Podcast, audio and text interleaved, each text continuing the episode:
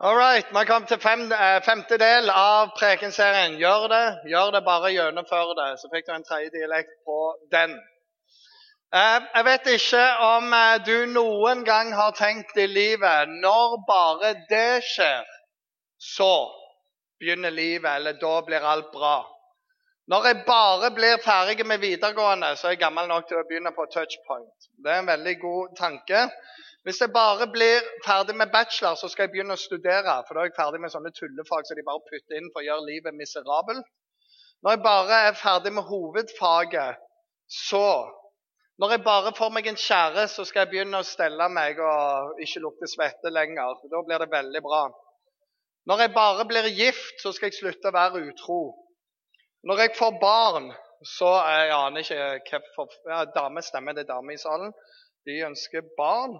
Eh, med andre mannfolk vi har denne her. Når jeg bare får barna ut av huset, så begynner livet. Eller når jeg bare får en jobb, så. Eller når jeg bare Og det er så veldig lett å tenke når bare det skjer, så skal livet mitt begynne. Eller da er jeg klar for. Og så går vi glipp av en sånn utrolig viktig ting, og det er at livet er her og nå. Og Det er ikke sikkert det alltid blir sånn som vi har planlagt, men vi kan leve her og nå. Vi har et ansvar for å planlegge livet, vi har et ansvar for å gjøre det beste ut av det. Men samtidig så må vi leve her og nå. Hvis du er interessert i golf, så vet du at golfspillere de er veldig proffe. De tjener et par kroner mer enn pastorer. Men det er et uttrykk som fins i golfmiljøet. Det er 'keep your day job'. For det er nok av de som bare tenker jeg skal kun leve av golf. Tenk om jeg kan bli proff. Og så sier jeg bare 'keep your day job'. For det, det, det kommer ikke til å, å, skje med de fleste. Det er en drøm, men det er liksom en sånn promilles, promilles, promilles sjanse for at du kan bli golfproff. Og hvis du da er med i filmen 'Dum dummere', så sier han så det du sier, er at det fins en mulighet her inne, langt inne. Nei, det er ikke det jeg sier. Og så av og til, Hvis jeg skal ta en kristen versjon av alle disse her, så fins det noen av dere som kommer fra en eller annen plass der noen har sagt ting over ditt liv som Gud har for ditt liv. Det kalles profeti. Og du skal bli et eller annet, og du skal reise en eller annen plass. Og så vet du ikke helt hvordan dette skal gå til. Du vet ikke helt om det er sant, men det bare satt seg noe der. Og så kan du leve i Ja, men det der skal jo skje. Og så har jeg lyst til å si men livet er her og nå. Og det er ikke sikkert at det kommer til å skje alt det som andre har sagt over deg. Av og til så bruker Gud ting bare for å få oss i gang. Andre ganger så er det fordi vi skal ha retningen. Og noen ganger så er det bare folk som tenker masse bra om deg. Og så sier de ting. I dag så har vi kommet til en tekst fra Apostelens gjerninger kapittel 8. Og foranledningen er at eh, det har blitt en sånn massiv motstand av de første kristne. Så de blir slept inn i fengsel, de blir torturert, de blir gjort ganske mye med. Så, så de begynner å flykte, mange av de kristne. Og sammen med flukten så bærer de med seg evangeliet. Og hvor enn de kommer, så forkynner de om at Jesus er Herre. Og så ber de for de syke, og så gjør de utrolige ting, og folk blir frelst. En av disse han heter Philip. Han kommer til Samaria, og det bryter ut en vekkelse der. En kjempegreie. Folk blir frelst i hopetall. Og det er så bemerkelsesverdig at de som er igjen i Jerusalem, hvor de var alle samla, de må reise opp. og De kalles apostler. Det var de som var vennene til Jesus, som så Jesus og vandra med Jesus. De kommer opp for å se hva som skjer. Og så ser de bare Wow, her virker Gud. Og Philip han er en vanvittig predikant. Og du verden hvordan Gud virker gjennom ham. Og så skjer det masse bra der.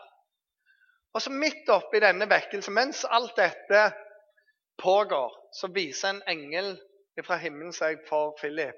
Og så sier engelen til han, og det er her vi begynner i dag En engel talte til Philip og sa, gjør deg klar og dra sørover på veien fra Jerusalem til Gaza.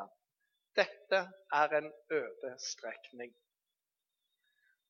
Det var det. Gjør deg klar. Han sto i en vekkelse og sa Gud, vi holder på med noen viktige ting, herrene. Ser du ikke det? Ja, men jeg vil du skal gjøre deg klar. Eh, Gå mot Gaza. Ja, men det er helt øde der. Jeg vil bare gjøre det. Gjør det. Gjør det. Bare gjennomfør det. Og Philip han trengte ikke det, for det står straks så eh, gjorde han seg i stand og drog av sted. Men greia her er at det er veldig lett å tenke når du får en sånn Gjør deg klar og gå fra Jerusalem i strekningen mot Gaza. Så tenker jeg Gud kommer til å gjøre noe i Gaza. Kanskje han kommer til å sende en vekkelse i Gaza, så den vekkelsen jeg står i Damaskus. Og så begynner matematikken å, å gå, strategen i hodet. Og wow, det er dødskult! For hvis vi har vekkelse her og vekkelse i Gaza, og Gud sender Thomas til India, vi kan starte kirke her, blir det bare Wow, dette er kult! Bare nede i Gaza, der kommer det til å skje. Jeg skjønner hele greia her. Det er veldig lett å tenke hva skjer i Gaza? Hva er det som skjer der borte? Hva er det som skjer når jeg blir gift? Hva er det som skjer når jeg får utdannelse ferdig? Hva er det som ligger der? Og så kan en låse seg litt i, i de sporene. Livet er der borte. Livet er ikke her og nå. Det er der det skjer. Akkurat nå så er det bare en øde strekning. Det er noe jeg må holde ut, herrene. Den øde strekningen kan være studieårene. For mange er det faktisk bare helt forferdelig. For andre er det verdens største glede. Staten sponser at du eh, har kollokviegruppe med mange kule folk. Det er en veldig bra ting. For andre er mer sånn la meg komme i gang. Det kan være øde hvis du er ufrivillig uten noen å dele livet med. Eller du har veldig dårlig råd når helsa ikke er sånn du hadde tenkt den skulle være, eller helsa var før. Eller når Gud oppleves bare som en mil unna livet ditt. Det er en øde strekning. Eller når profetiene faktisk ikke slår til. Og lurer på ble det noe av det der. Men greia er dette at Gud er der. Det står dette i Jesaja 41 at Gud sier dette. Jeg lar elver renne fram på snaue høyder og kilder midt i dalene. Jeg gjør ødemarken til, si, til sivgrodd tjern og det tørre land til et kildevel. Det Gud sier, det er at eh, hva enn du går opp i, så kan jeg omgjøre alt det. Bare la meg få være med deg i det landet der.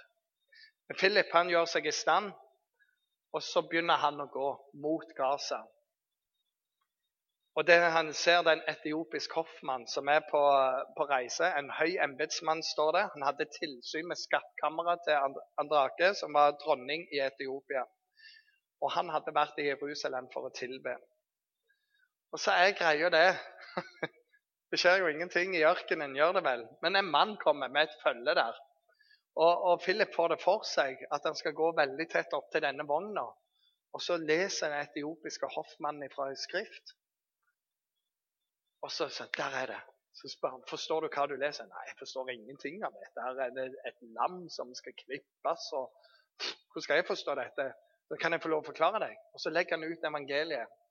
Fyren blir frelst og spør kan jeg, meg, kan jeg døpes nå. liksom, ja. Har du tatt imot Jesus? Ja, jeg tror han er, han er frelseren. OK, da blir du døpt. Så reiser han lykkelig videre. Og han regnes, denne etiopiske hoffmannen, som grunnleggeren av den etiopiske kirke. Og kanskje var det han som tok med evangeliet til Afrika. Så her er greia. Philip reiste fra en lokal vekkelse til å bringe evangeliet til et helt kontinent gjennom én person, gjennom én en enkelt hendelse.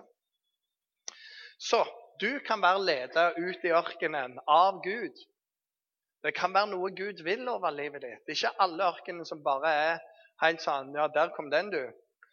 Og det kan skje så enkelt som at hvis du da har vært leder, hvis du har vært en kristen, vært leder der du kommer fra, du har en posisjon, alle vet hvem du er, og så kommer du til her, og så vet ingen hvem du er, og så må du liksom begynne på ny og så lure på hvem er du her, hvordan går det med deg? Du kommer i en troskrise fordi identiteten din er i hva du gjør, og ikke hvem du er.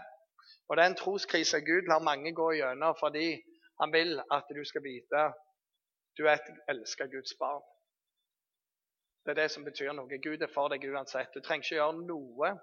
Han vil elske deg like mye. Og Når du får det grunnlaget inn, så sier han kom igjen, kjør på. Men av og til så må noen ting knuses, og av og til må det skje i det ørkenlandet der. Philip gikk fra den vekkelsen Det var stort, men han gikk til noe mer globalt. Men han visste det ikke, for det var en ødestrekning. Jeg kjenner en person han holdt alfakurs. Det alfakurs det handler om de grunnleggende kristne tingene. Veldig bra kurs. Har du ikke tatt det, så anbefaler jeg alle å ta det. Han hadde kurs for én person. Én en eneste person. Og det er ganske mange kvelder. Og han tenkte underveis hva er det jeg holder på med? Har alfakurs for én person. Fyren blir frelst, konverterer, og så bryter det ut en muslimsk vekkelse etterpå. Og det er ikke mange meterne fra her det skjedde. Og den vekkelsen holder på. Det er ikke alltid du forstår alt, det er ikke alltid du ser alt. Men når Gud sier 'gå der', så gjør som, eh, som han bare går der.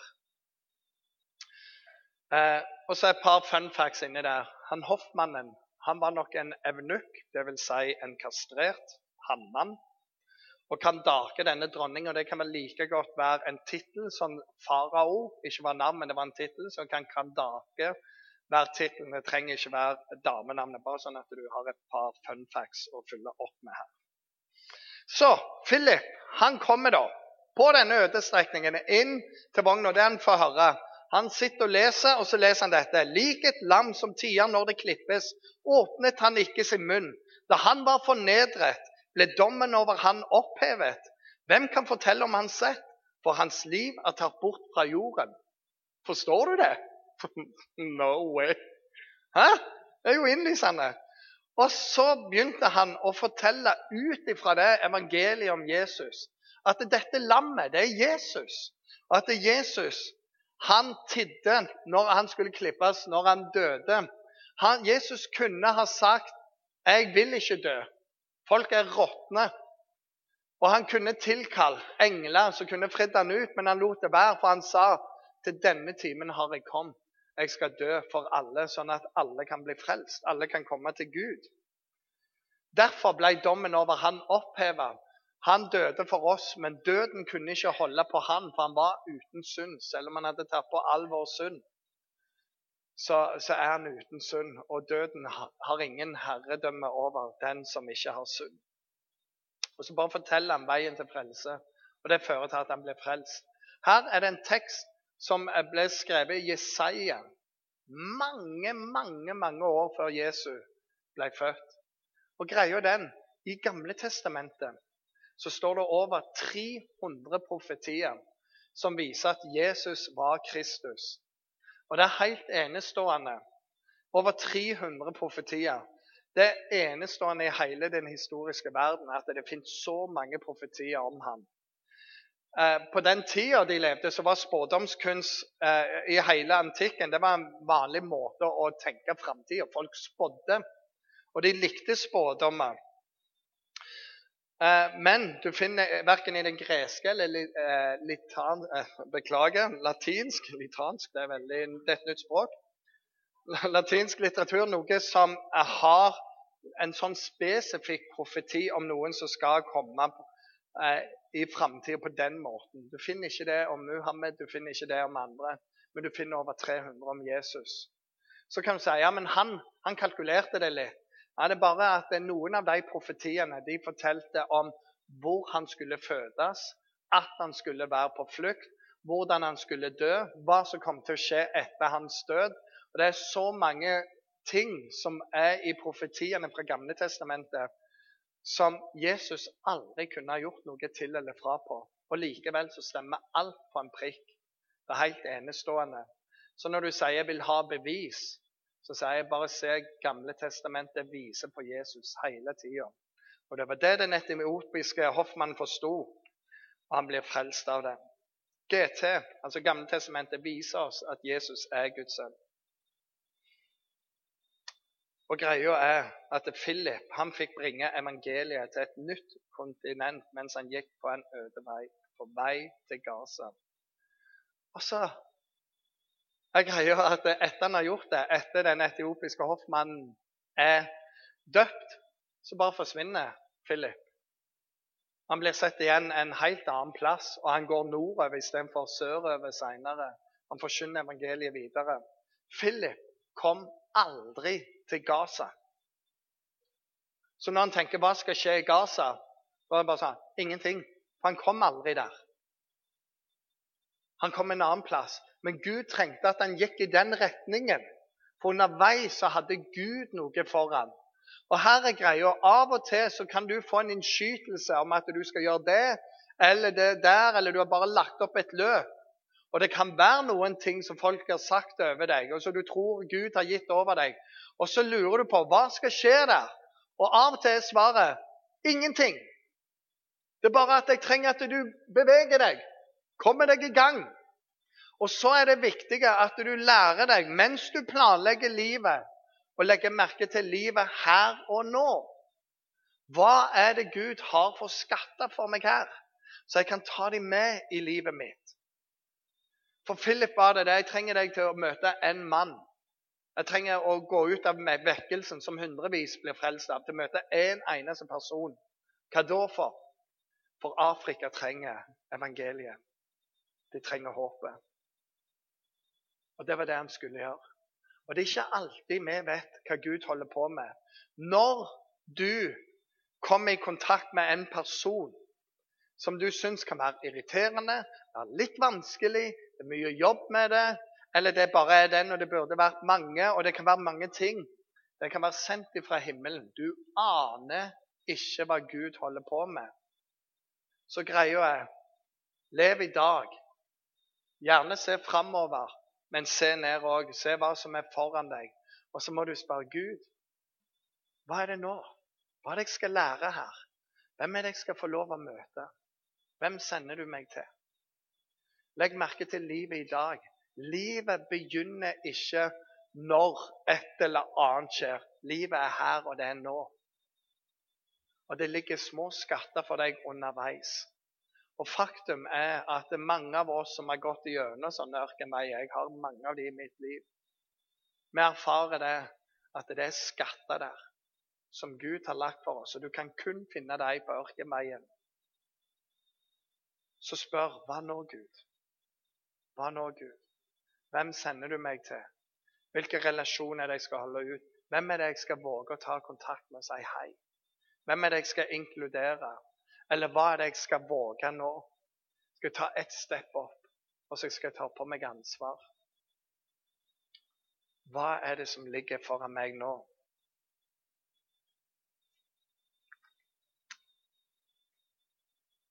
Det står dette Gjør deg klar og dra sørover på veien fra Jerusalem til Gaza. Det er en nødestrekning. Jeg vet ikke hvor du er på vei, men her på den strekningen du er, så er det ting å finne. Og av og til så forbanner vi mørket istedenfor å tenne et lys. Hva om du snur om det? Hva om denne høsten får lov å være veldig interessant?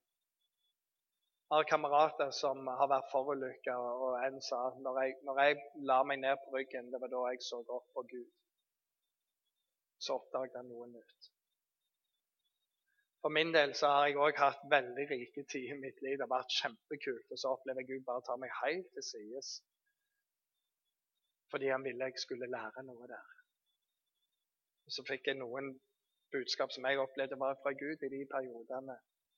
Si nå må du studere. Nå er du nødt til å fylle på. For det kommer til å gå fortere, det som kommer etterpå. Så forbered deg for neste fase. Det er det jeg trenger at du skal gjøre nå. Så hva sier du når Gud sier 'gå i den retningen'? Noen av dere har flytta til Kristiansand i år eller fjor. Det er en grunn til det. Ikke reis fra Kristiansand uten å ha med deg de skattene der. Og Gud er en mester til å snu smerte til styrke. Ikke gå glipp av det. Og det som Gud helbreder i våre liv, blir omgjort til tjeneste som vi kan bringe helbredelse til andre. Ikke gå glipp av det. Og så er det ofte den ene, det er ikke de mange. Men den ene det kan bli til et helt kontinent.